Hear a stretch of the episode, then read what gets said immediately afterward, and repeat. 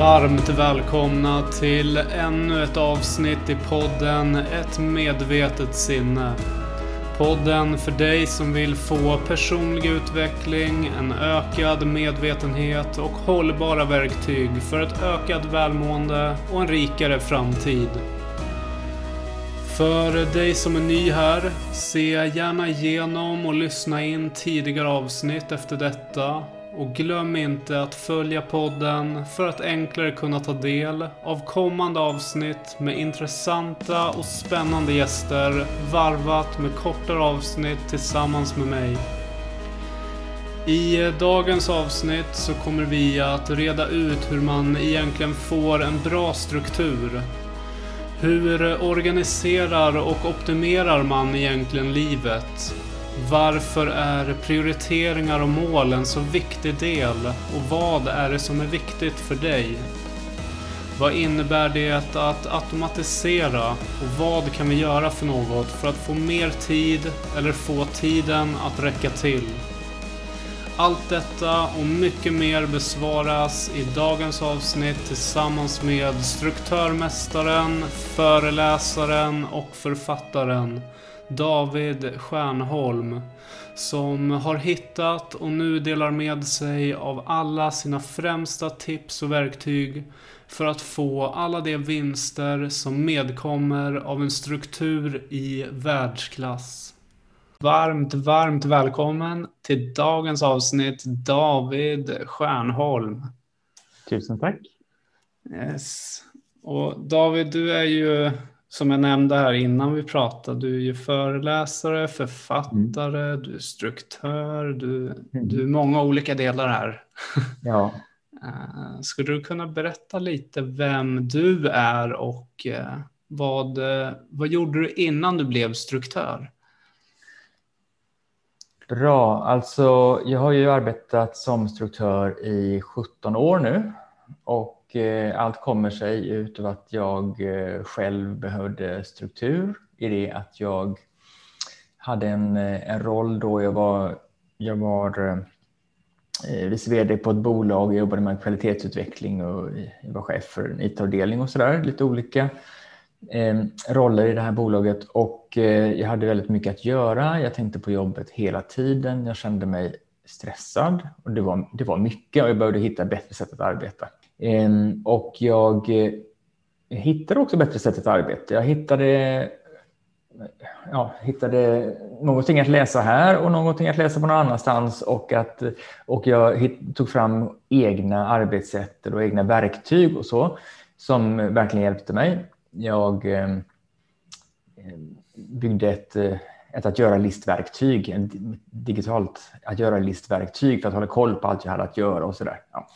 Och eh, jag, just då så hade jag inga direkta planer på att, på att eh, hålla på med detta på heltid, utan det var mer att jag ville liksom, styra upp min egen arbetssituation så att den blev väldigt mycket behagligare så att jag så att jag kände att jag hann det jag behövde hinna och kände mig ledig när jag var ledig och kände mer att jag hade koll på läget.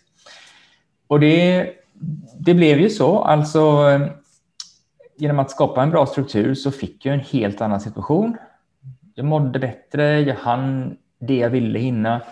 Ehm, jag kände mig ledig när jag var ledig, jag kände att jag hade koll och så kunde komma tillbaka till folk i den tid som jag ville och sådär. Det var inte så mycket som hängde över mig på samma sätt. Det var mer jag som liksom höll i taktpinnen i min vardag, vilket är mycket mer behagligt tycker jag än att inte göra det.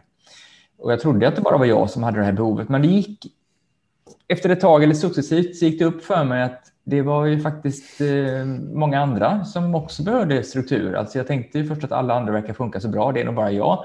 Men, eh, men jag märkte att, eh, alltså successivt att, att eh, också många andra behöver struktur. Och då, då väcktes en tanke att ja, men det här kanske fler skulle ha nytta av egentligen. Det som jag har hittat och funnit och implementerat som jag har fått nytta av, det skulle också andra kunna få nytta av. Så eh, då provade jag om det fanns ett intresse och det fanns det och nu 17 år senare så håller jag fortfarande på med det helt enkelt. Och intresset varken för mig eller för min publik viker så att eh, det finns mycket att göra när det handlar om struktur. Allt mer att göra på något sätt faktiskt också.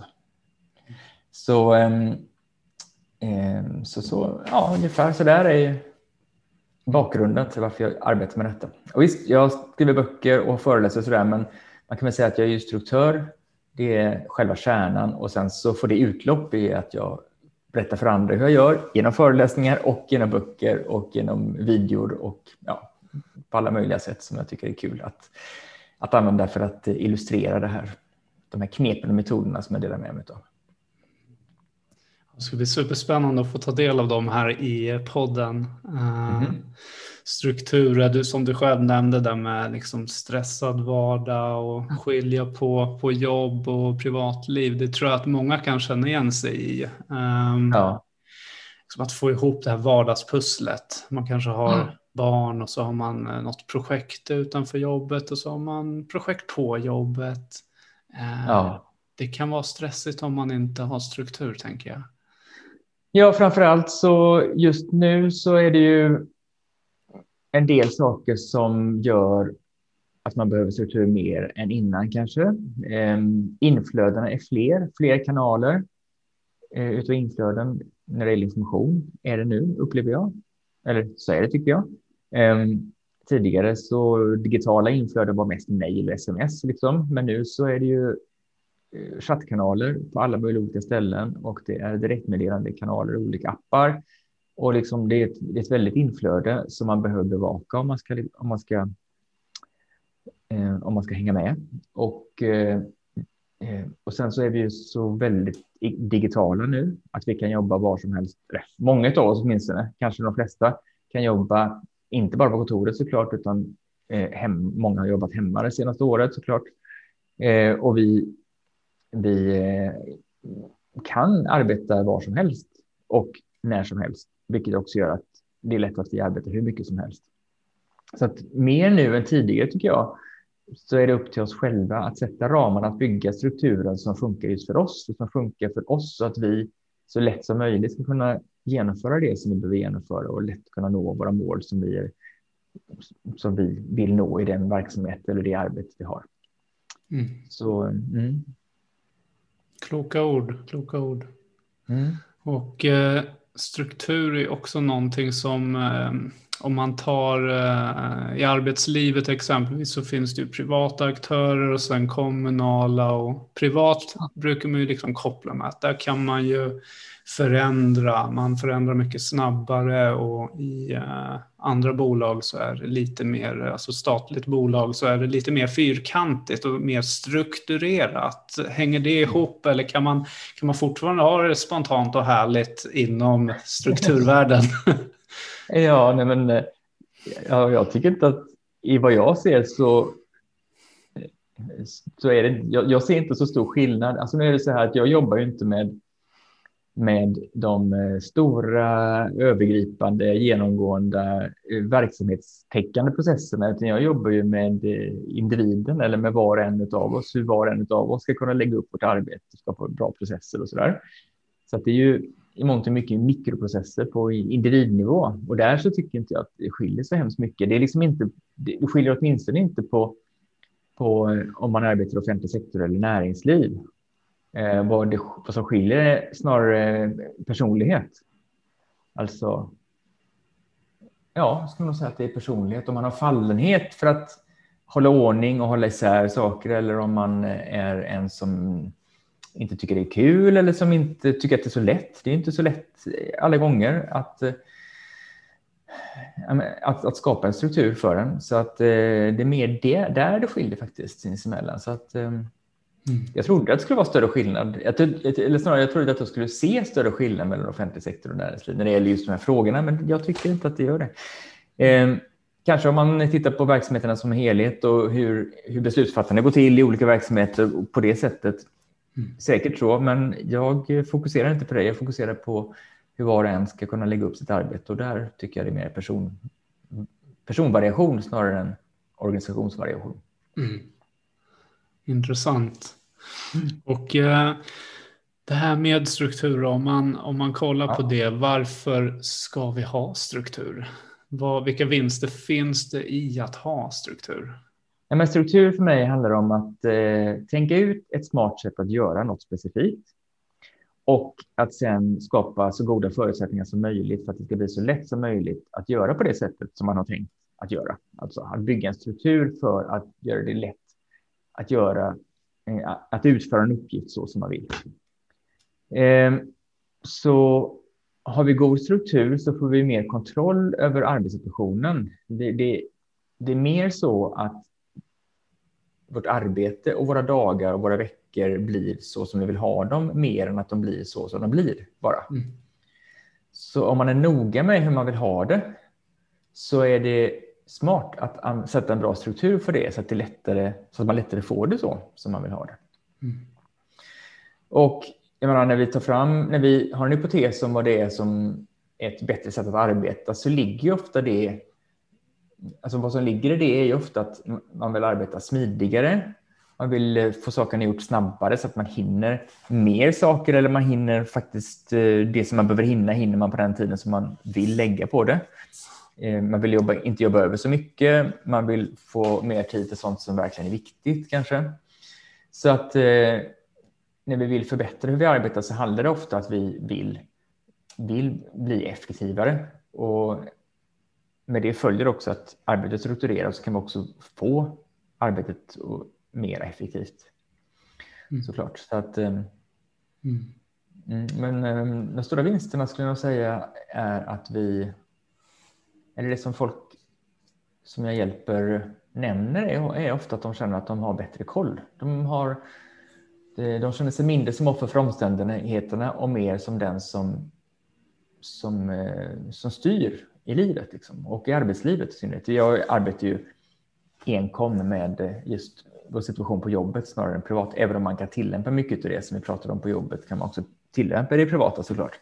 Mm. Men, eh, men att känna att man har mer koll är ju en väldigt behaglig känsla tycker jag åtminstone.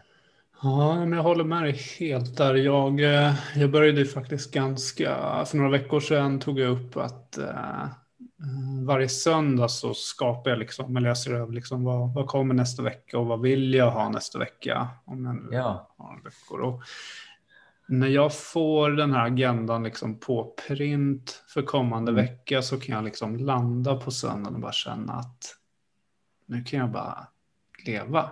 Nu har jag allt framför mig, liksom. precis det ja. jag vill. Och precis. Sen finns det ju alltid uppgifter som man kanske inte vill, men de finns där och ja. de ska göras lika mycket. Ja. um, så det, det är precis som du säger, den här behagliga känslan kommer ju av att faktiskt ha koll på läget. Ja, absolut så. Men eh, hur får man då den här strukturen? Du har ju någon form av ett eh, facit om jag förstått det Ja, alltså strukturen eller struktur på jobbet är ju ett väldigt brett och vitt område såklart. Så att jag har ju identifierat vad jag tycker är tre vanliga områden eller faser som man kan förbättra sin struktur i för att få en mer välstrukturerad vardag. Jag kallar dem för organisera, fokusera och automatisera. Jag presenterar de här faserna i bland annat i min eh, första bok som kom för ja, 2012 kom den som heter Klart bli superstrukturerad på 31 dagar som är ett träningsprogram med att bli strukturerad på jobbet i 31 steg i de här tre faserna. Ehm, och det där som de allra flesta börjar det är ju i den första fasen såklart, i organisera-fasen där man eh till exempel skaffar ett bra sätt att hålla koll på allt vi har att göra. Där det vanligaste misstaget är att vi sprider noteringar om det bara att göra på många olika ställen, fler ställen än ett. Ehm, då blir det väldigt splittrat.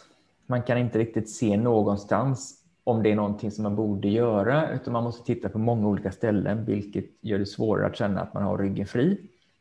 Det gör det svårare att konstatera att, eh, ja, att jag har koll på allting och mer istället så väcks det en, mm, en oro kanske om att eh, jag har missat någonting någonstans. Kanske kommer någon höra av sig snart och vara arg för att jag inte gjort just den här grejen som jag inte ser nu för den låg någon annanstans på något ytterligare ställe där jag skrivit upp det och så där. Ehm, det är lätt hänt att vi då går och tänker på det som vi inte får missa. Vi går och tänker på det hela tiden, vilket tar mycket kraft och mycket energi och kapacitet. Ehm, det är väldigt mycket skönare att då samla ihop allting till ett ställe, tryggt och säkert och smidigt ställe. Ett verktyg, en, en digital app eller ett eh, block eller vad det nu är. Men det här, vårt utvalda ställe som passar just oss, där vi håller koll på allt vi har att göra. Så att man kan titta där och se, och se är det någonting som jag borde göra nu? De sakerna ser man lätt, man kan göra dem. Man kan göra som du är inne på, göra eh, kanske en, eh, en lista för nästa dag eller så. Eller alltså åtminstone välja ut de viktigaste sakerna för nästa dag så att man, så att man verkligen åtminstone får med alla de där. Och man kan också lätt se om det är någonting ytterligare som man borde göra innan man kan ta ledigt, innan man kan gå för dagen, innan man kan ta helg, innan man kan gå på semester. Och det där att kunna säkerställa det, att det inte är någonting jag borde ha gjort, är ju väldigt skönt tycker jag. Så att, eh, att skaffa en riktigt bra att göra-lista är ofta det som de allra flesta börjar med. Sen kan det vara att de, att de eh, eh, också styr upp vad de har i att göra-listan och vad de har i kalendern. För att är, en del använder ju, som ett av de allra mest ställena där man har koll på det man har att göra, använder de kalendern och då kan den lätt bli rörig. Um, och då kan man behöva renodla vad man har i kalendern och vad man har i att göra-listan. Där min tes där är att det som är klockslagsberoende ska jag ligga i kalendern. Alltså det som jag ska göra specifikt klockslag, det lägger vi i kalendern. Det är därför vi har möten i kalendern till exempel. Då. läkartider och sånt där. Alltså när det är någonting som ska göras ett visst klockslag. Men om det är någonting vi ska göra bara en viss dag, men det spelar ingen roll när på dagen vi gör det egentligen, då kan man mycket väl ha det, eller snarare hellre ha det i att göra-listan så att man kan vara mer flexibel under dagen. Så att det inte är så noga exakt när man gör just den här grejen. Jag behöver inte lägga in det i kalendern att jag ska göra det just då om det inte är viktigt att jag gör det just då. Då är det hellre bättre att, att vi just, just då, just den stunden är flexibla. Att i stunden välja vad som är den rätta uppgiften att göra då ifrån dagens lista. Så det, det där med att, att styra upp allt man har att göra och att hålla koll på det brukar vara en, den, den ja, vanligaste starten helt enkelt. Mm. Så steg nummer ett, att skriva ner en att göra-lista och försöka samla det på en och ett och samma ställe, tidsbegränsat i eh, kalender. Mm, när, det, när det är beroende av ett klockslag så är det i kalendern. Precis. Ja, ja. Och det är inte så, mm. ofta är det inte så mycket som att skriva ner listan för första gången. Ofta handlar det mer om att samla ihop det som redan är nedskrivet. Liksom. Mm. Ja, den kan jag ju faktiskt, om jag tar upp min mobil så har jag en sån här funktion som heter anteckningar, använder mobilens eh, mm. egna. Um, och där brukar jag skriva ner liksom inköpslistor kanske. Man skriver ner lite to-do-list ibland. Man skriver ner kanske några frågor som jag har till dig i dagens sammanhang. Och ja. Det finns ju en rad massa anteckningar, huller och buller där. Jag tänker på det ja. också. Det har väl också med struktur att göra med att rensa också. Ja. Um, slå, slå mig nu, liksom att det här med, ja. Eh, för min del i alla fall, så kan min struktur fallera i att jag inte rensar kanske ja. Eh, mejl eller att göra listor, att jag inte liksom tar bort det. Ja, det är lätt att blanda ihop det. Det är lätt att ett vanligt misstag är att lägga in sånt i att göra-listan som egentligen inte är att göra-uppgifter utan som är som är andra saker som kan vara information som man kan behöva kolla upp lite då och då. Vilket innebär att man aldrig kan bocka av dem för man kanske behöver kolla upp dem igen, den här informationen. Så det är, liksom inte, det är mer bra att ha information mer än att göra-lista. Mm. Eh, det kan vara en, att man tänker att det här är en att göra-lista, alltså kan jag använda den för alla möjliga listor. Eh, listor över vilka som ska vara med eller listor över vilka böcker jag vill läsa eller sådär. Så att, och då blir det krångligare för då ska man, då ska man titta förbi vissa saker som står i listan när man ska välja vad som är rätt sak att göra. För de är egentligen inga att göra-uppgifter, men bland dem så ligger det att göra-uppgifter. Och det, blir, det är rörigt. Struktur handlar mycket om att hålla isär. Liksom. Mm. Att, hålla, att uh, få bort sånt som man inte behöver just nu och så att man i varje stund kan bara få se det man är intresserad av och det som är värdefullt för en i varje läge. Mm. Mm. Att se till att i inkorgen så är det bara de mejl som, som har kommit in och ännu inte hanterade istället för att det är sånt som jag hanterat för länge sedan och som man ska titta förbi för att se det som är inte hanterat än. Till mm. exempel. Mm, exakt, ja, det där med mejlen är ju också ett ganska klassiskt även på arbetsplatser där man jobbar mycket med dator har man ju en hel del eh, mappstrukturer. Eh, som Ja. kan, eh, eller de brukar ju liksom fallera med tiden. I början så har du en mapp och sen ska du ha två och så blir det tre och sen uppe i 300 helt plötsligt. Sen, det liksom eskalerar ju någonstans. Ja. Ehm, hur, eh, hur hanterar man det här? Just med mappstrukturer i mejlen tänker du, eller vad? Ja, exakt. Ja, man Yes. behöver inte ha så många mappstrukturer i mejlen tycker jag. Mm.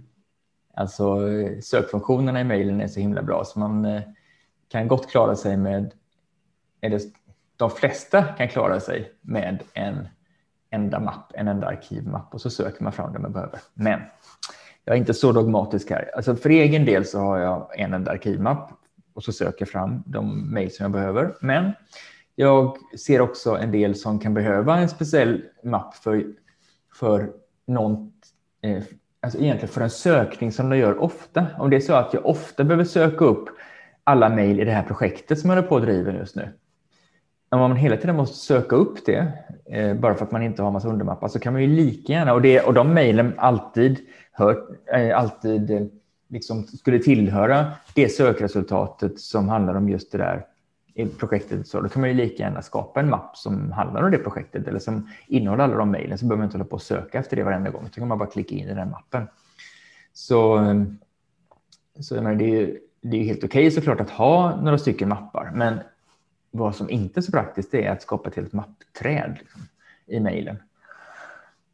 Och som är rätt detaljerat och sådär. Och som kanske är en väldigt bra ordning i. Visst, det kan det vara, men det är väldigt många mappar och det, man får bläddra väldigt mycket och det är många nivåer. Och sen så har ju en del eh, som man mejlar med ovanor att inte bara mejla om en sak, utan man mejlar om massa olika saker.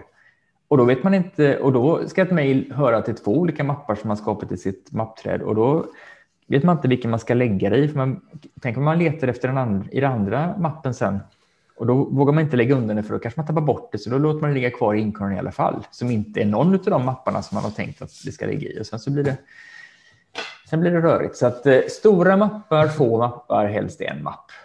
så säger vi när det, gäller om, när det handlar om mejlen tycker jag. Ja, ja jättebra. Jag, jag känner igen mig så otroligt mycket i eh, när jag, när jag började jag jobbade Mm. mot eh, ja, nästan 15 skolor och så en hel del kommuner under samma gång och då hade jag liksom en struktur för varje, varje skola hade en mapp och sen hade alla kommuner en mapp. Jag hade säkert 500 olika mappar och som du Mm. säger så kanske man får ett mejl där det står att eh, våran budget eh, behöver ses över och sen kan du även kolla det här. Då är det två saker. Vart ska jag Ja. lägga den? Och då blir Ja. det problematiskt. Ja, eller hur? Precis. Keep it simple. Och, och clear på något sätt. Alltså att det, tyd, man får tydligare mycket. Jag tänker också på eh, alltså nu för tiden så när, när det blir allt mer olika chattkanaler. Många använder Teams nu och skapar olika Mm. team i Teams och i varje team så lägger man upp olika chattkanaler och sådär. Alltså att bestämma sig för det första, vad ska man använda chattkanalerna till och vad ska man använda mejlen till? Hittills, om vi säger, så har man mejlat sinsemellan i organisationen och nu plötsligt ska vi använda Teams istället. Men, vad, vad ska vi fortsätta att mejla? Ska vi fortsätta mejla? Eh, om, I så fall, i vilka situationer ska vi mejla? Vad för saker ska vi mejla? Vad ska vi istället köra i, i chattarna? Eh, vad ska snackas om i varje kanal? Eh, här behöver man också styra upp det och tydliggöra så att man vet just det här ämnet jag ska ta upp på den här kanalen. För de som läser den kanalen och förväntar sig att är det någonting som handlar om detta, då ska det synas i den kanalen. Om man plötsligt skriver det någon annanstans så går det de förbi som skulle vara intresserade av detta eller som skulle vara beslutsfattare i detta och så är det ja, så blir det rörigt, rörigt helt enkelt. Mm. Så eh, det handlar också om att tydliggöra det, att göra en gränsdragning där. Ja, men I de här situationerna ska vi chatta där och i de här andra situationerna då är det mejlen som gäller. Mm. Superbra. Och den där är ju som du säger, jag vet själv, det är att eh, många går över till, eh, eh, jag vet inte om man kallar det molnbaserat, så man tar bort mappstrukturen på servrarna och så flyttar man Ja. till molnet. Och då är det ju precis som, som du är inne på med att göra listan, att dela upp och vara tydlig med vad har jag på vilken lista, vad har jag i Teams, vad har jag i mappen, vad ja. har jag på mobilen och så vidare. Mm. Ja, och så gäller, det gäller också digitala dokument egentligen. Det är ju lätt nu att spara digitala dokument på olika ställen. Mm. För att vi har, eh, mm, vi har kvar vår gamla filserver som heter G, säger vi. Och sen så har vi en del på vår egen dator inom appstruktur och sen så börjar vi samarbeta allt mer i Teams och sen så har vi olika samarbetspartners eller kunder eller leverantörer.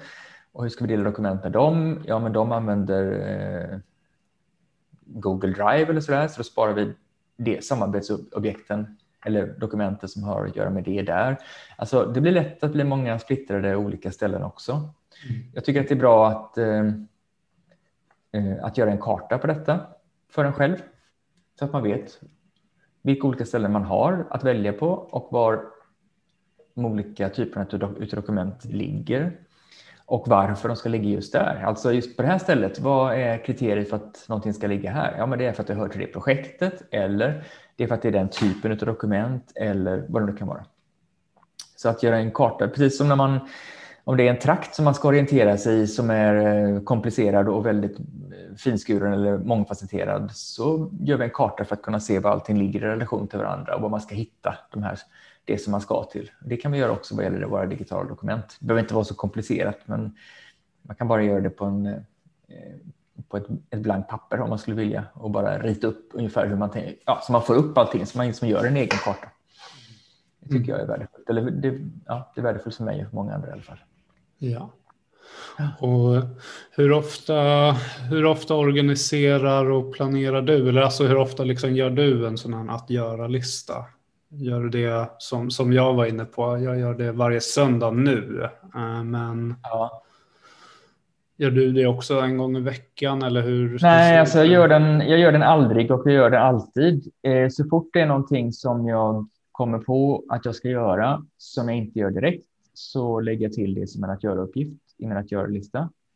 Ehm, så fort som jag gör det sista på, ett större, på en större uppgift, någonting som, jag, som består av flera steg, ehm, så fort jag gör det sista jag definierat så hittar jag på vad som är det nästa som jag skulle kunna göra. Jag kommer inte göra det nu, men jag skriver upp det så att jag lätt kan se att ja, men det här är nästa steg på den här grejen. Så att, så att, sen, så att jag sen inte behöver fundera på vad var jag någonstans och hur långt jag har kommit och så där, utan nu när det är precis i färskt minne, när jag, när jag just lämnar den här större uppgiften som jag inte är helt klar med, men som jag ska jobba vidare med sen. Jag kanske väntar på besked från någon eller så. Då, då definierar jag, okej, okay, vad är det nu som jag ser som är det självklara nästa steget? Det skriver jag som en att göra-uppgift. Så fort jag får ett eh, mejl eller ett chattmeddelande som innebär att jag ska göra någonting som jag inte gör direkt så lägger jag till det till min att göra-lista. Och jag sätter förfallodatum bara om det verkligen har, finns ett skarpt förfallodatum. Ehm, så när jag öppnar min att göra-lista på morgonen så ligger de satta förfallodatumen som är skarpa, de som, jag verkligen, de som innebär att jag verkligen måste få klart det idag. Så det är liksom självskrivet på något sätt. Men sen så på morgonen så kikar jag också igenom mina aktuella projekt. Om det är något. Eh, jag kikar inte igenom alla, ska jag inte göra, ska jag inte säga, men i alla fall de där uppdragen som jag har just nu, de kikar jag igenom på morgonen och ser om det är någonting som jag behöver göra i de här. Um, någon gång i veckan så tittar jag igenom alla projekt oavsett om de är aktuella eller om de, eh, om de inte är brådskande eller sådär. Då. Så att jag verkligen ser till att definiera nästa steg hela tiden. Så att, så att, um, mm, så att det är liksom ett ständigt, ständigt uppdaterande. Det är det, där lägger jag allt som jag har att göra som jag inte vill missa, som jag inte vill gå och tänka på. Mm. Superbra. Mm. Eh, och då har vi gått igenom en hel del med organisera och eh, planera.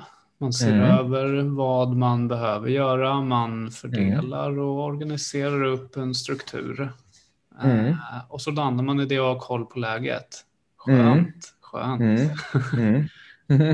Och nästa steg då är ju att faktiskt uh, uh, kunna göra dem. Du var inne på fokusera mm. och ja. där tänker jag mycket på fokusera kontra distraktioner. Det är ju mycket ja. saker som kan ske.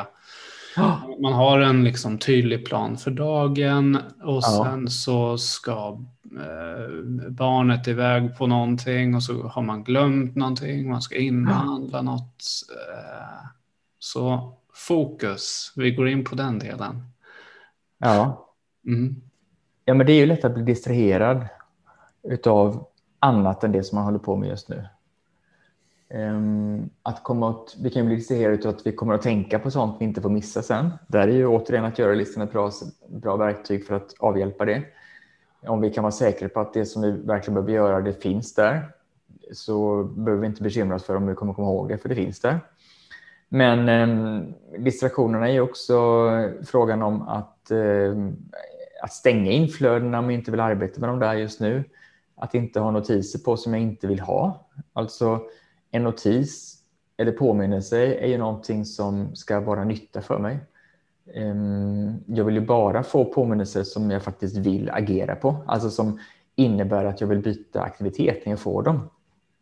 Påminnelser som mer är påminnelser som jag bara vill som jag bara noterar och tänker och snosar liksom, är ju faktiskt egentligen ganska men, eller de är väldigt meningslösa. För jag vill ju inte uppmärksamma de här just då, eller jag vill inte agera på dem just då.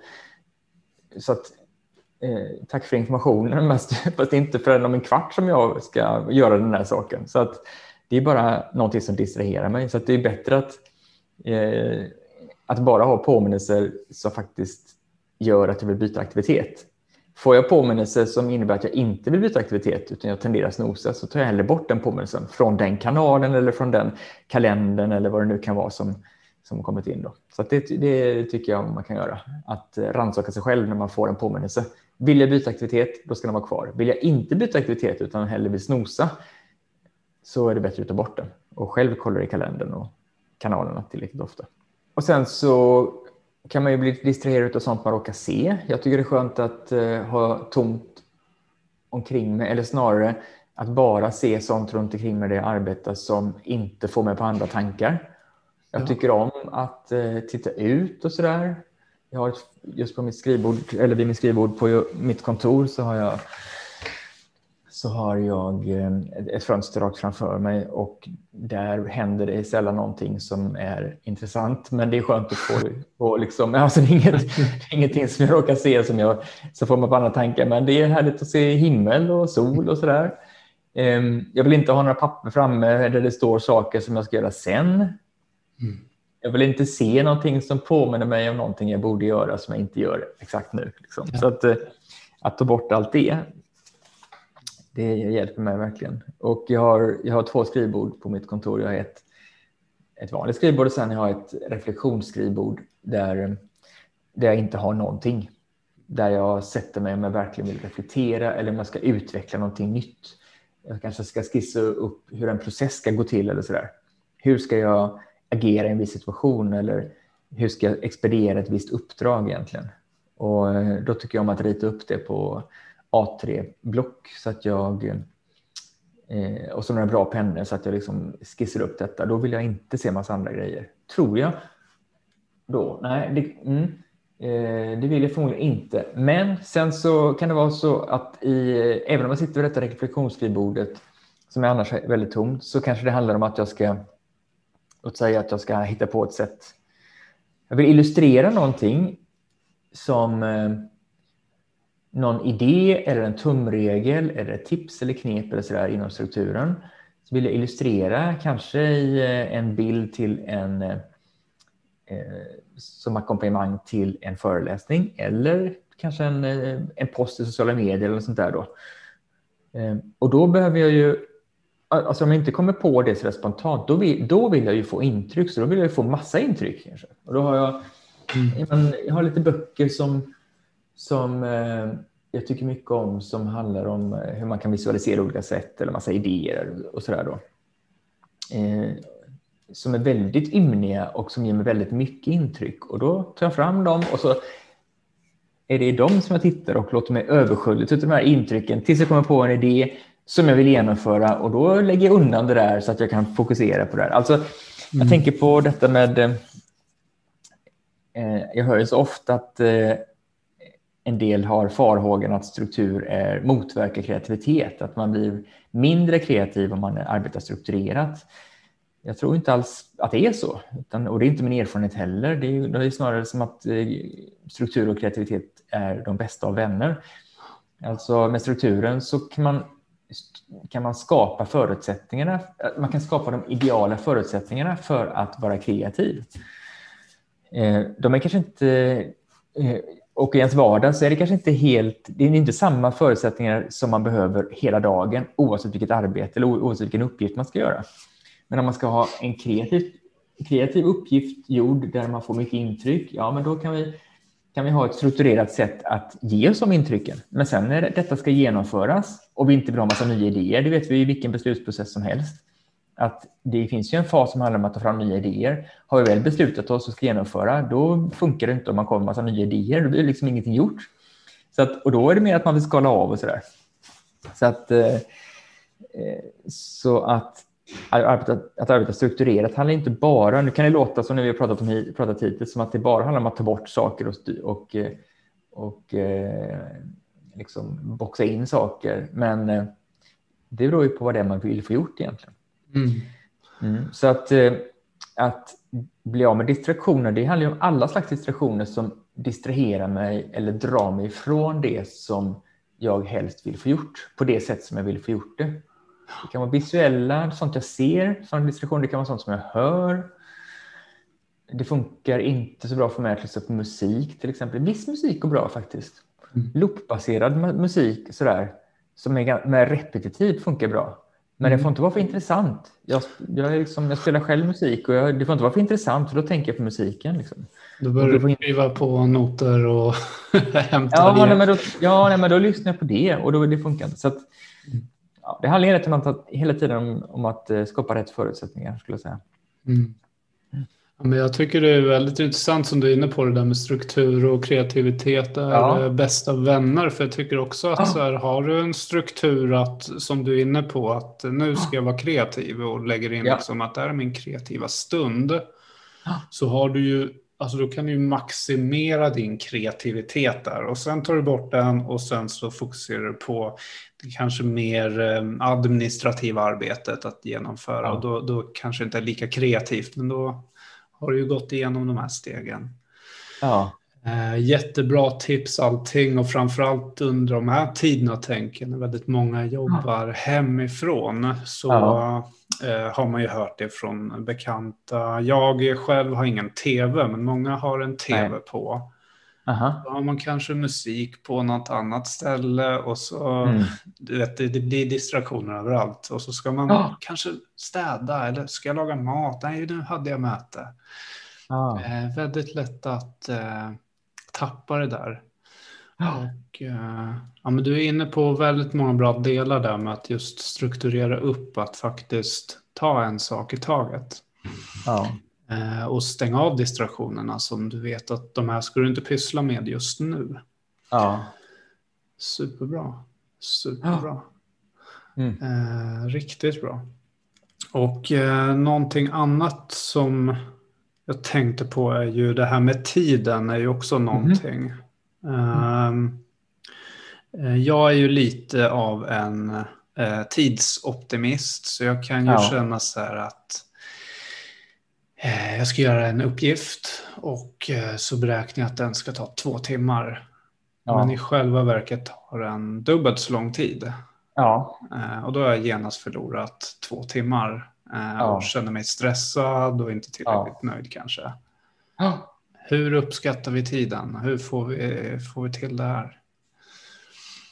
Um, det är nog olika hur, hur, vi uppskattar tiden. Jag känner igen mig i detta med tidsoptimism som du nämner. Jag har också varit tidsoptimist. Jag tycker att jag har botat det faktiskt. Eh, I det att jag eh, tröttnade på att hela tiden springa till olika möten och anlända svettig det vill jag inte. Jag vill istället anlända lite tidigare och liksom kunna landa i mötet eh, och vara mer behaglig både för mig och mina mötesdeltagare eller möteskollegor. Hur som helst så eh, jag märkte ju att jag var dålig på att uppskatta hur lång tid det tog olika saker. Det tog, jag var dålig på att uppskatta hur lång tid det tog att ta sig till olika ställen. Eh, jag var dålig på att uppskatta hur lång tid egentligen det tog att göra någonting, att åstadkomma någonting. Eh, och jag ska nog säga att i och för sig, visst jag säger att jag botat min tidsoptimism och det är väl inte helt sant för att skulle jag, min, mina spontangissningar är nog fortfarande inte helt eh, pricksäkra, men de är kanske bättre än tidigare. Men det som, det som hjälpte mig var att jag bestämde mig för att slentrianmässigt, utan att ens tänka, dubbla min uppskattade tid. Du säger ju precis det som jag var inne på egentligen, att du, du eh, tänker att det tar två timmar, men det visar sig att det tar fyra timmar. Alltså, det var också min erfarenhet. Det tog ofta dubbelt så lång tid. Så jag tänkte att ja, men om jag spontant tänker att ja, men det tar inte mer än 20 minuter att ta mig dit. Det kommer ta 40 minuter jag behöver nog en timme för detta. Två timmar behöver jag. Och så, och så fort jag uppskattar någonting så bara jag det. Jag, det var inte så att jag tänkte en gång till att ah, tar det verkligen en timme, utan jag bara dubblar slentrianmässigt. Jag gissar på en timme. Det kommer ta två timmar. jag behöver en dag till detta. Det kommer ta två dagar. Jag behöver. Jag kan vara klar nästa vecka. Okej, okay, jag behöver två veckor på mig. Alltså jag menar. Eh, jag fick mer tid på mig på något sätt. Alltså, men framförallt så behövde jag inte... Alltså, framförallt, framförallt så hade jag ju möjlighet att stämma av hur lång tid det egentligen tog.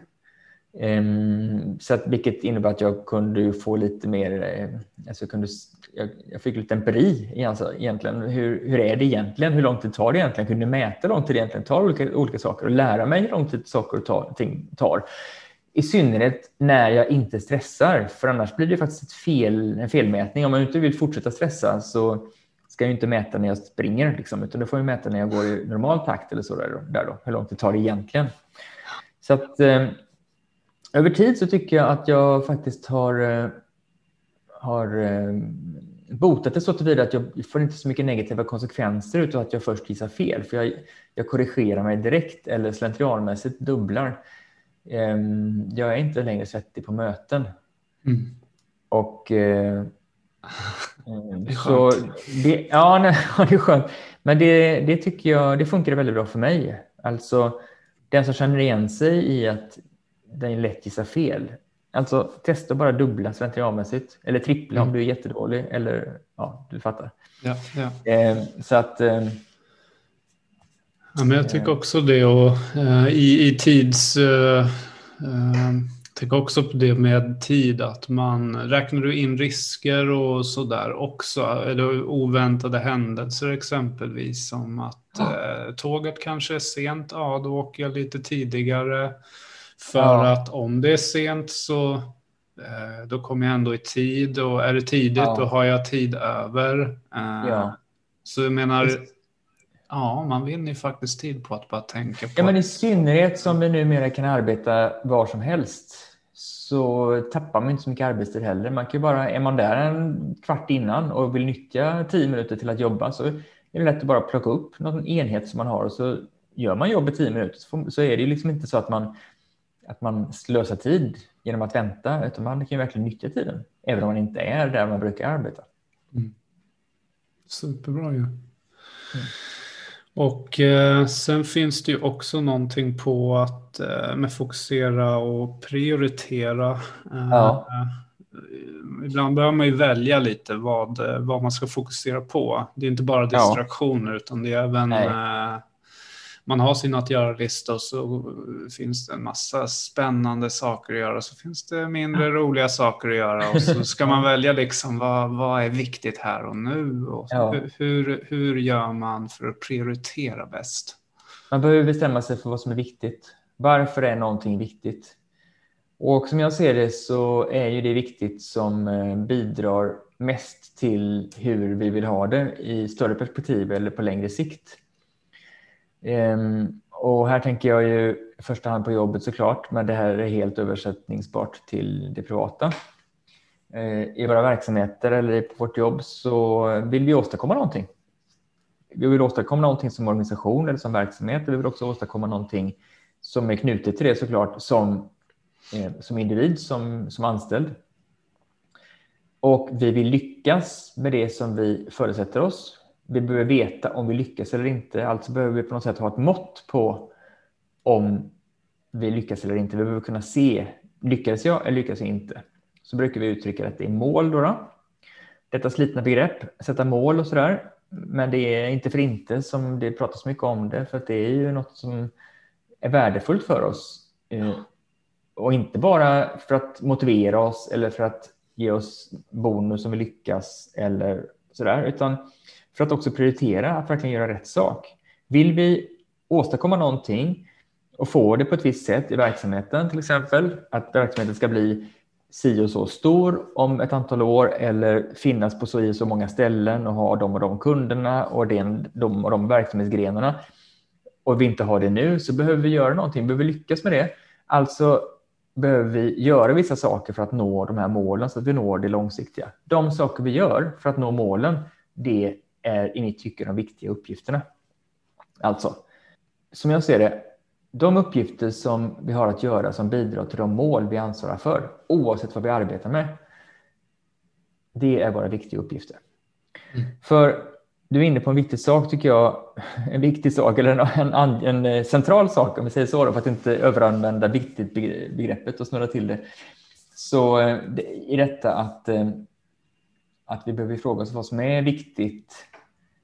Det är så lätt hänt att viktigt blir det som känns viktigt eller det som verkar viktigt och då blir det ofta lätt det som är bråttom för det känns väldigt viktigt för att det är så bråttom för att folk ropar ju så mycket om detta. Men här behöver man hålla hålla huvudet kallt, säger man va? Mm. Huvudet kallt och is i magen. Aha. Blandar jag ihop metaforerna nu eller nej? Men jag, jag, jag det man använder kyla i bägge fall, gör man inte det? Ja, men jag vi, tycker det låter som en bra kombo. Ja, jag tycker ja, det låter som en jättebra, man kyler ner sig och tar det lugnt. Liksom. Ja, precis. Så man får vara kall i bägge, i alla ändar. ändar. Eh, och eh, och eh, eh tänka efter, okej, okay, vilka mål är det som jag, har, som jag ansvarar för? Och vilka uppgifter, vilka typiska uppgifter är det som bidrar till de målen? Det är det som är det viktiga. Sen är det egentligen i stunden inte fullt så väsentligt vad som är bråttom eller inte. Vi behöver prioritera de viktiga sakerna. Sen kan det vara viktiga saker som också är bråttom. De har ju såklart högsta prioritet. Men det är inte prompt så att vi ska prioritera det som är bråttom för att få undan det eller för att det är bråttom för att vi sen ska kunna jobba med de viktiga sakerna. Utan vi kommer också behöva landa i att vi faktiskt avstår från att göra en del brådskande saker som inte är viktiga. Om vi nu ska få tid till de viktiga sakerna. Om vi nu inte har obegränsad med tid, vilket vi inte har, någon av oss. Så, ehm, så vi behöver alla veta vilka mål vi har att uppfylla. Mm. Även om vi inte arbetar med försäljning. Jag vet att du har ju bakgrund i försäljning och så där. Och som säljare så är det en baggis med mål. Man vet ju precis vilka mål man har. Man vet exakt vilka siffror man ska nå och så där och vilka, vilken täckningsgrad och allt sånt där. Men eh, om man jobbar med löneadministration eller så, eller jobbar som eh, controller eller inte vet jag. Vad är det då som är mina mål egentligen? Mm. Ja, det behöver man ta reda på. Vad är måttet på att jag gör ett bra jobb? Hur ska jag veta när jag gör ett bra jobb? Och inte bara på utvecklingssamtalet i vad min chef säger, utan jag vill, jag vill liksom ofta kunna säga att ja, men idag har jag gjort ett bra jobb eller den här veckan har jag gjort ett bra jobb. Vad är måttet? Det behöver vi veta.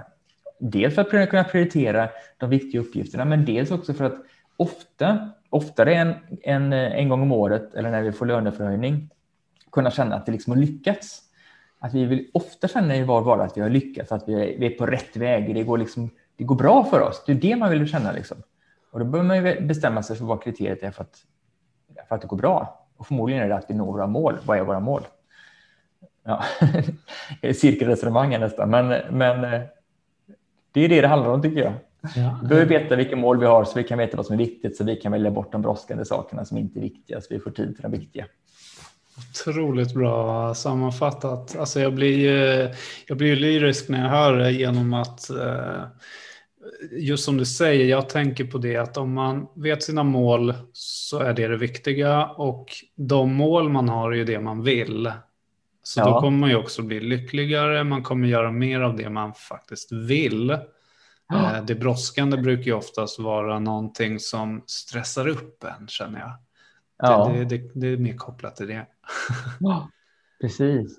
Och det brådskande, alltså det kan ju fresta göra de brådskande sakerna för att det är ju, det är skönt att bli av med någonting som stressar en eller det är liksom man kanske får mycket mycket cred för att man har gjort den här grejen. För den som vill att man ska göra det åt den, för den är det viktigt. Men det är inte viktigt för mig kanske egentligen, men det är väldigt skönt att bli, få beröm liksom. Alltså, så, att det, så att man behöver ju ha målen med sig eller förankra det. Ofta blir det liksom i det långa perspektivet. Mm.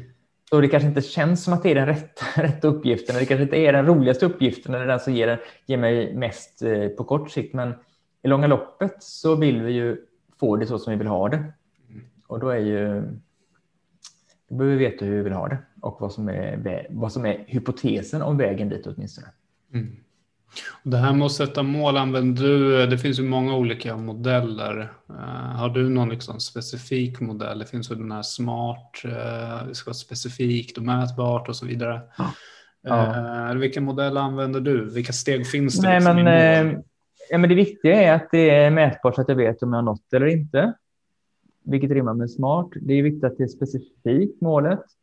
För annars vet jag inte vilka uppgifter som bidrar till dem. Har jag ett fluffigt och luddigt mål så kan jag inte riktigt koppla det jag gör till, till målet och då blir då, blir, då ska man liksom mest göra sitt bästa och hoppas på att det blir bra. Men om det är specifikt och konkret mål så är det lättare att hitta vilka uppgifter som bidrar, alltså vilka uppgifter som är viktiga. Mm. Eh, och eh, så det är väl mer det. Men jag skulle säga att eh, eh, jag gillar grammatik, skolgrammatik. Så jag tycker att man behöver ha bra, man behöver ha med samma satsdelar som man behöver ha med i en bra mening för att eh, ha ett bra mål. Då. Någon ska göra något, någon ska åstadkomma något eller göra något eh, i en viss grad vid en viss tid på något sätt. Mm. Så det är ju det är på något sätt, på något sätt subjekt, predikat. Ja. Eh, eh, eh, vad heter det? ja, åh, nu glömde jag vad det heter. Eh, jag är jättedålig. Jag har tidsadverbial också. Sen har vi ett till som handlar om värde. Måttadverbial, just det. Subjekt, predikat, måttadverbial, tidsadverbial. De behöver vi. Ja. Hur svårt kan det vara? Det är bara att stava helt enkelt. Underbart. Jag ska ro 2000 meter på sju minuter innan året är slut. Ah. Alltså det blir väldigt klockrent då alltså? Ja, det blir ett tydligt mål. Liksom. Ah. Ja. Och att, eh, motiverande också tänker jag, för då har man, när, när, det blir tydligt och när man har koll så, så då blir man ju motiverad och driven av att faktiskt uppnå det. Ja, precis. Mm. För då, då, får man ju någonting för det, att man når det. Ja. Alltså man, får ju, man får en kick av att man har nått det. Liksom. Ja. Om man inte kan se om man har nått det eller inte, utan man mest ska uppskatta, så ju, får man inte samma kick såklart. Nej, då snurrar man runt där bland molnen. Du var inne på luddigt där. Ja, eller hur? Precis. Grymt. Bra tips alltså. Mm. Sjukt bra. Och eh, om vi går in på sista delen då. Eh, automatisera, då tänker jag ja. mycket robotar.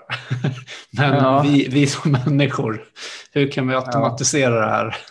Ja. Eller vad handlar automatisering om? Ja, precis. Det kan vara robotar, men det kan vara också enklare saker. Det, alltså det handlar ju om att det som vi ändå ska få gjort, då, det som vi vet att vi vill göra, vi har koll på det, det som, vi, det som är de viktiga sakerna som vi verkligen som vi vill få gjort, och så där, det vill vi få gjort så lätt som möjligt. Så det handlar mycket om att förenkla allt det där vi gör. Eh, automatiseringar kan vara att vi återanvänder sånt vi gjort tidigare så att vi slipper uppfinna hjulet om och om igen. Eh, jag menar, hur ofta skriver vi inte ett mejl som vi har skrivit ungefär likadant tidigare? Ju mer vi kan återanvända texter som vi har skrivit och som vi ändå vill skriva igen, desto bättre.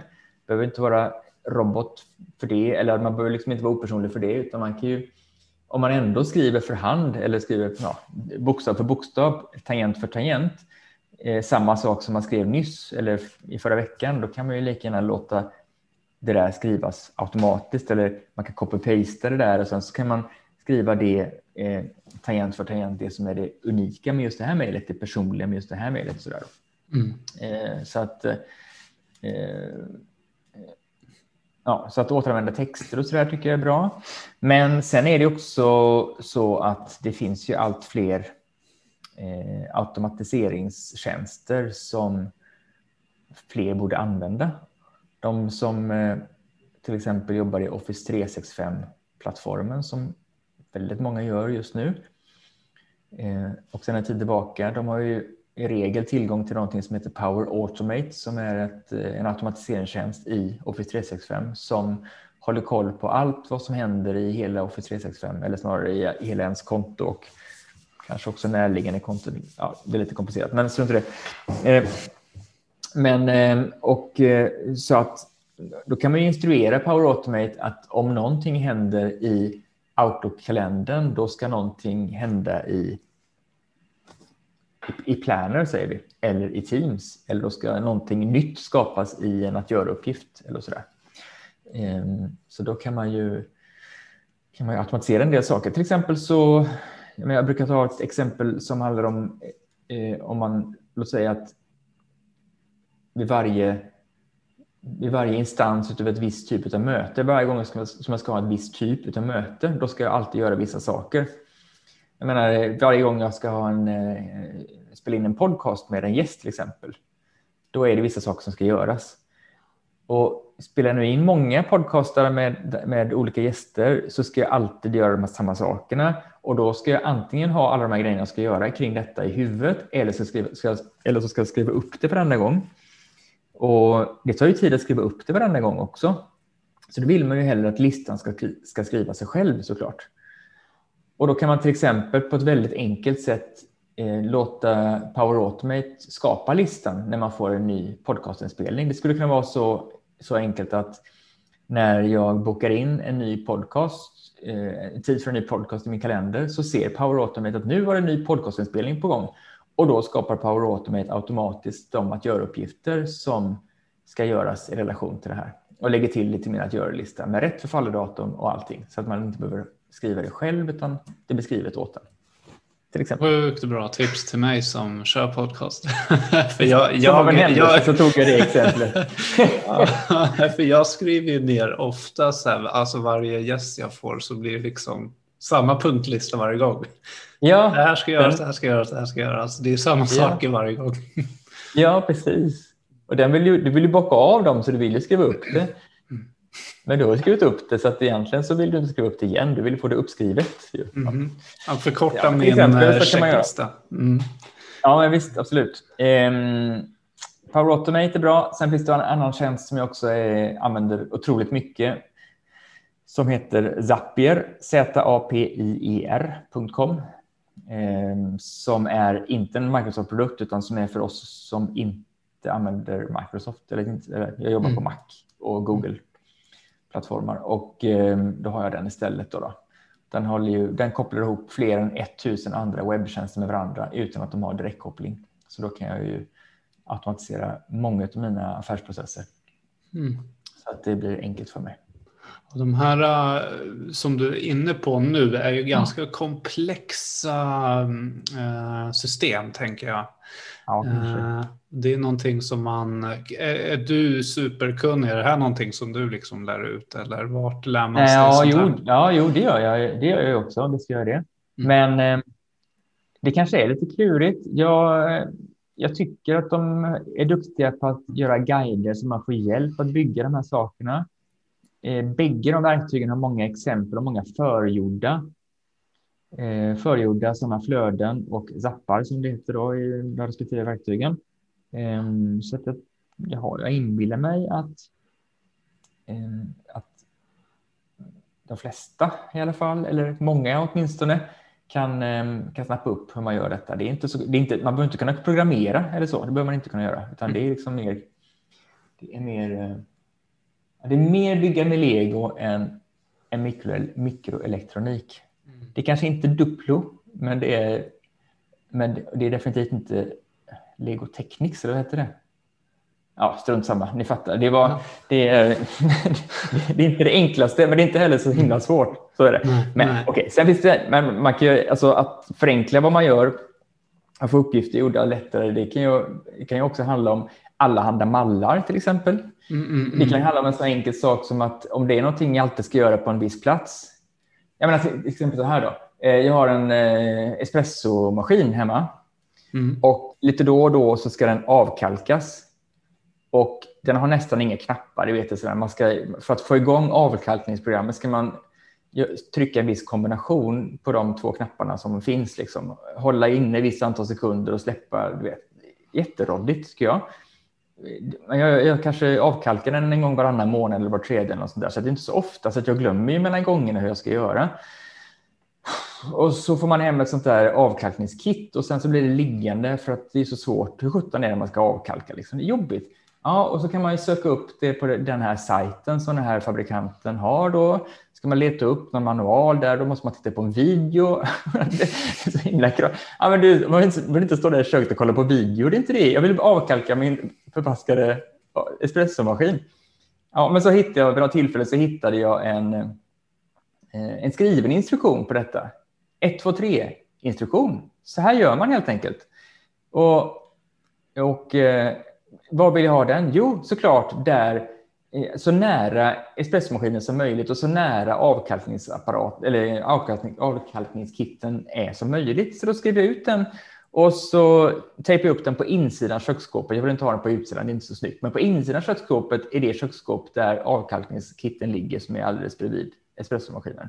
Så är det nu så att det är, men nu är det maj, nu i slutet på maj ska jag avkalka säger vi då.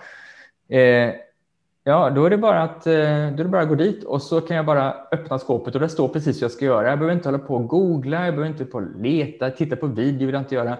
Jag vill bara riva av den här espresso-grejen och så, och så göra vad det står. Enkelt. Ingen automatisering, inte någon, alltså ingen, ingen robot eller sådär. Men det gjorde ju dels väldigt mycket lättare för mig att göra den här grejen, går mycket fortare. Jag skjuter upp det mycket mindre. Jag gör mer rätt. Jag trycker inte fel på de här knapparna och blir irriterad för att det inte funkar. Så det är ju en jätteenkel grej egentligen. Att, och för mig så är det en slags automatisering. Visst, det är kanske inte automatisering i ordets vanliga bemärkelse, men det är ju ett sätt att få det gjort som jag vill få gjort på så lätt sätt som möjligt. Mm. Vilken information behöver jag i just det här ögonblicket? Eller just den här stunden? Eller på just den här platsen? Mm. Eh, så kan det vara. Exakt, men jag tänker också det som, som du är inne på. Just att liksom för, det handlar mycket om att förbereda inför en uppgift som man kommer att ha kommande. Ja. Ja. Eh, och det är som, så jag tränar ju en del och mm. då har jag mina tränings, mitt träningskit på samma ställe så jag vet alltid vad det är. Och oftast är det faktiskt precis framför dörren just för att jag så här, ibland blir man ju trött och man är lite mm. lat och så nej jag orkar inte. Mm. Men då påminns man, där ligger de där skorna, där ligger kläderna, kör. eller man kanske till och med tar på sig dem direkt när man kommer hem eller vad det än var. eller hur, att göra tröskeln så liten som möjligt. Liksom. Mm. Det är verkligen det som det handlar om tycker jag. Riktigt bra. Eh, och jag menar, hur ofta, hur ofta gör vi inte saker som vi har gjort tidigare? Jag menar, jag inbillar ju mig att jag har ett kreativt arbete och berikande arbete och sådär, men det är ju väldigt mycket uppgifter som jag gör väldigt ofta samma saker. Liksom. Och, och det är ju en jättepositiv sak i det att då finns det ju, ju fler, ju fler, eller snarare ju oftare som jag gör en viss uppgift, desto större möjligheter har jag ju att eh, hitta sätt att förenkla den, förenkla görandet och desto mer utväxling och utdelning får jag om jag förenklar det. För att för att det blir ju multiplicerat med hur många gånger jag gör det. Så att eh, så det har jag med mig när jag, när jag jobbar. Någon slags ständig tanke om att ja, just det, det här har jag gjort förut. Hur kan jag göra detta enklare? Hur kan jag göra så att jag slipper, så att jag får färre moment i detta? Hur kan jag återanvända sånt jag gjort tidigare här? Mm. Hur, kan jag, skulle jag, hur kan jag placera detta så att det är lätt att komma åt. Mm. Eh, jag har ju, jag menar, jag har, nu när vi spelar in så har jag en eh, mick och då har jag en förlängningssladd, en mickförlängningssladd, en, sån, väldigt, en ganska tunn sladd och sådär, väldigt lång är den. Jag har därför satt upp den med buntband så att jag liksom förkortat den utan att klippa av den. Eh, och den här behöver jag använda lite då och då. Ibland jag vill ha den med mig ibland och ibland så vill jag ha den här på kontoret och på lite olika ställen och så. Eh, men jag vill ha, jag vill lätt hitta den så att på skrivbordet som jag sitter nu så har jag en krok där den alltid hänger. Det är liksom där den hänger. För det är där jag ofta ser när jag använder den. Alltså kan jag hänga tillbaka den där lätt utan att behöva fundera på var ska ligga någonstans och jag kan plocka den. Alltså, det, är, är små mm, saker, det är mm. verkligen små saker, men det är de små sakerna som hjälper oss så mycket. Och det är så, det skänker sån, åtminstone mig, sån otrolig tillfredsställelse att på ett väldigt att också på ett väldigt banalt och enkelt sätt förenkla för mig. Mm. Det är verkligen en present till en själv. Att göra ens liv lite mer underbart, även om det handlar om någonting så... Även om det handlar om ens jobb. Liksom.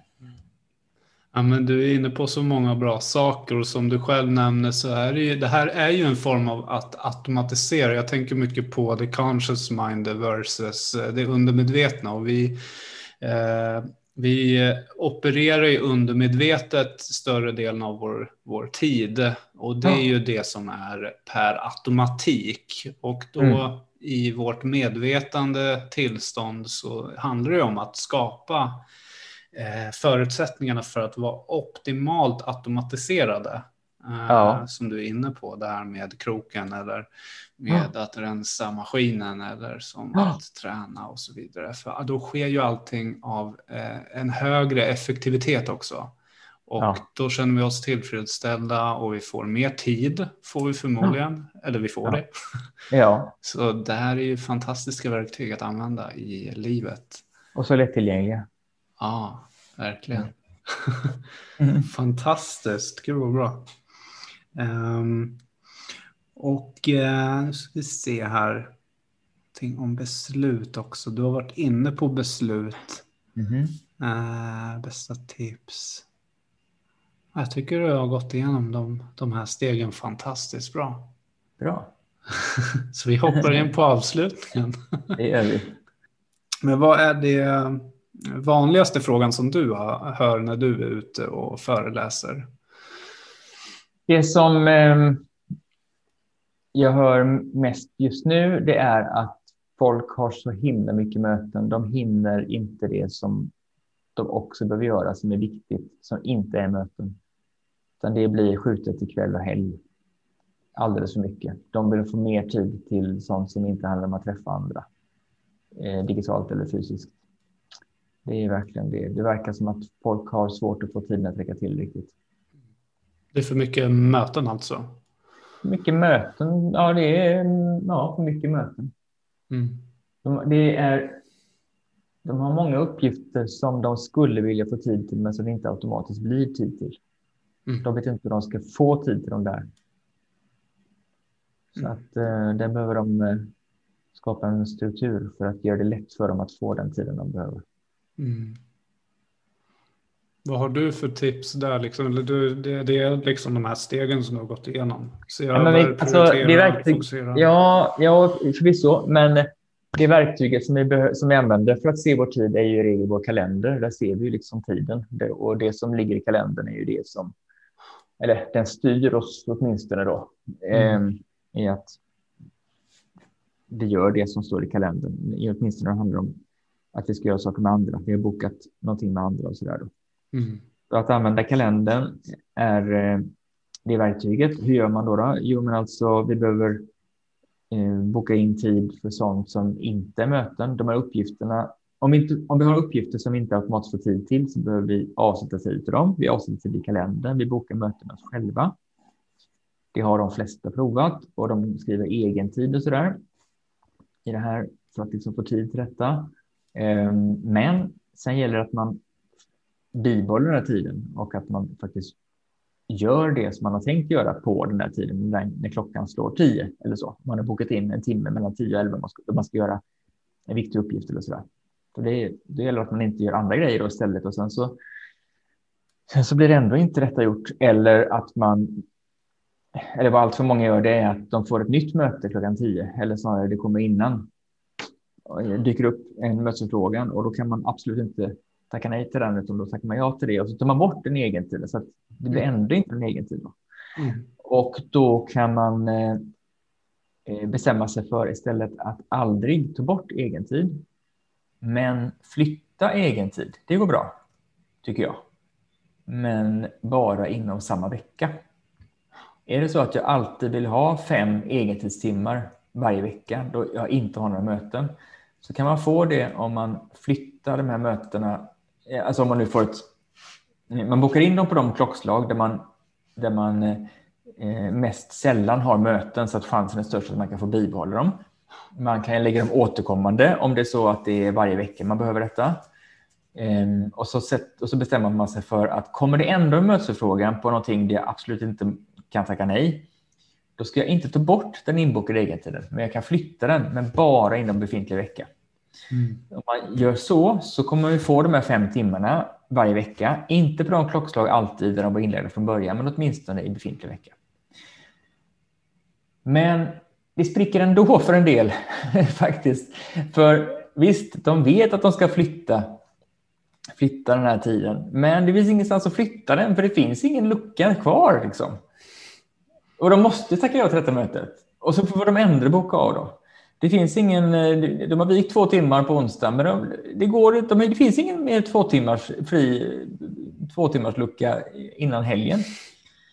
Och då kan man avhjälpa det genom att eh, eh dela upp den här egentiden i mindre portioner. Istället för att blocka, blocka, alltså när man bokar in den första gången innan det kommer till ett nytt möte, så istället för att lägga en kloss på två timmar så kan man lägga fyra halvtimmar efter varandra.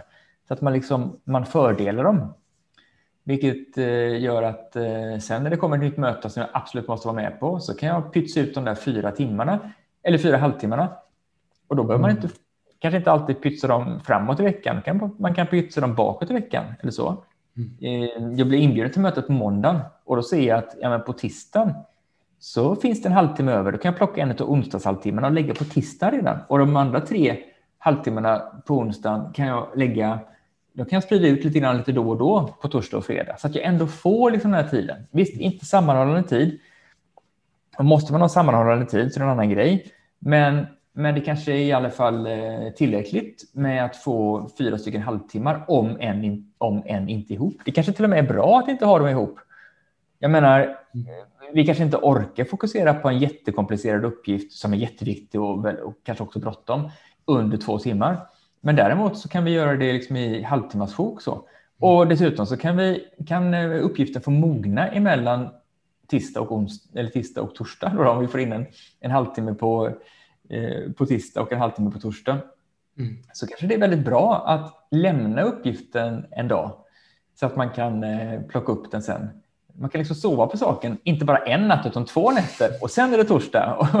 Och, då så har man hittat, eh, hittat nya lösningar som man inte skulle ha klickt ur sig så där på beställning klockan 11.05 på onsdag. Utan då får man, då blir det ännu lättare att göra den här saken. Så det kanske man kan tycka att man splittrar upp det och det blir varken hackat eller malet.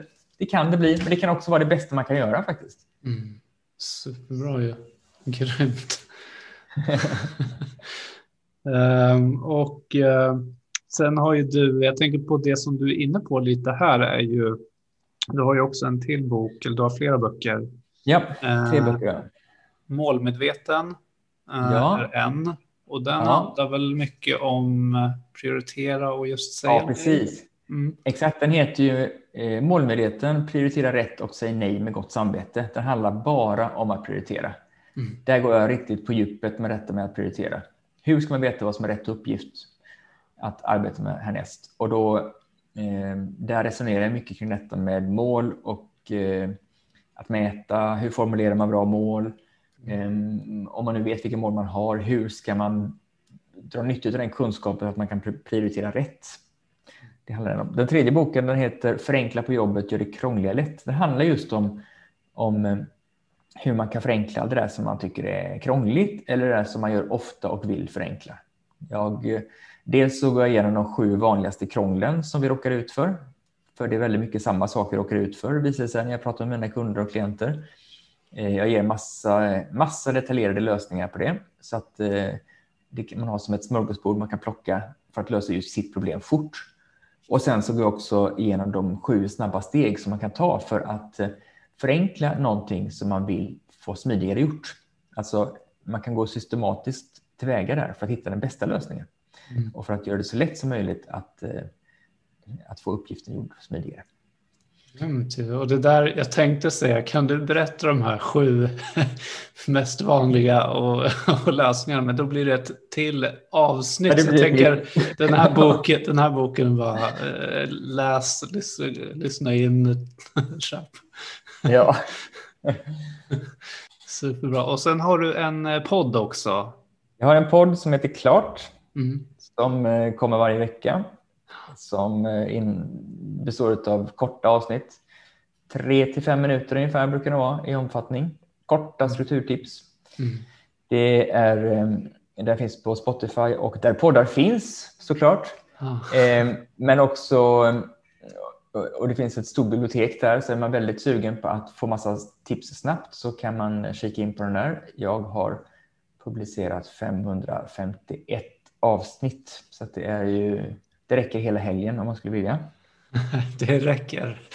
Bra ja, Fantastiskt. Det finns mycket det tips att ge. Ja, ja, ja, precis. Det gör det. Det finns både på svenska och på engelska. Mm. Och sen så har jag en eh, Youtube-kanal. Man hittar mig på Youtube genom att söka på mitt namn. Mm. David Stjärnholm och eh, där eh, delar jag också med mig av eh, också korta videos där jag illustrerar i visuell form mina strukturtips. Också sådär bara ett par minuter långa i regel så att det hinner man med på en snabb fika. Ja, jag kikade faktiskt in en precis innan vi hoppade mm. på här. Uh, 10 plus 2 parentes 5 Nej, gånger 5. Ja, 10 plus 2 gånger 5. Ja, 10 plus 2 inom parentes gånger 5 helt enkelt. Ja, ja. Eh, ett, bra, ett bra knep för att uh, få gjort tråkiga saker. Ja. Sådana som man uh, helst vill inte göra. Man vill inte mm. göra dem fast man vill få dem gjorda helt enkelt. Exakt. Uh, ja, så den är ju det är en av de senaste videorna. Så den finns ja. Så vill man veta hur man använder den 10 plus 2 inom parentes gånger 5 så eh, kika på Youtube. Kika Youtube. Jag kommer använda den nu till att städa. Ja, gör det. Ja. ja, det funkar för mig varje gång. Ska säga det. Ja, härligt. Underbart. Um, och för den som vill uh, veta mer eller uh, få mer struktur i vardagen, där har du en podd, Youtube, ja. böckerna. Men vart kan man få kontakt med dig? Ja, man, ja, man kan uh, hitta mig på min sajt såklart som heter stjärnholm.com. Stjärnholm som stavas med IE. Ni ser det i poddavsnittet hur det stavas. Stjärnholm.com. Eh, vill man få se alla olika möjligheter att få massa smarta tips och sådär gratis och gott. Eh, och man kan få betala för dem också om man vill anlita mig för föreläsningar och kurser och så. Eh, och personlig strukturhjälp kan man också få. Och mina onlinekurser så kan ni kika på en eh, sida som heter stjärnor.com mer. Grymt. Ja. Eh, stort, stort tack David för alla fantastiska tips. Alltså, du har verkligen gått igenom hela strukturkedjan här och eh, det är alldeles fantastiskt. Så stort, stort tack. Tack för möjligheten. Kul.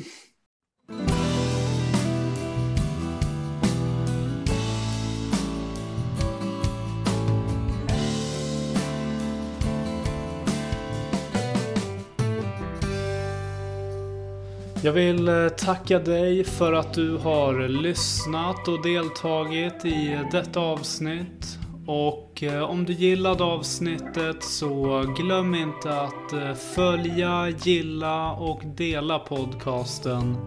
För att också bidra med att göra den synlig för andra. Till nästa gång, tro på dig själv, lita på dig själv och var dig själv.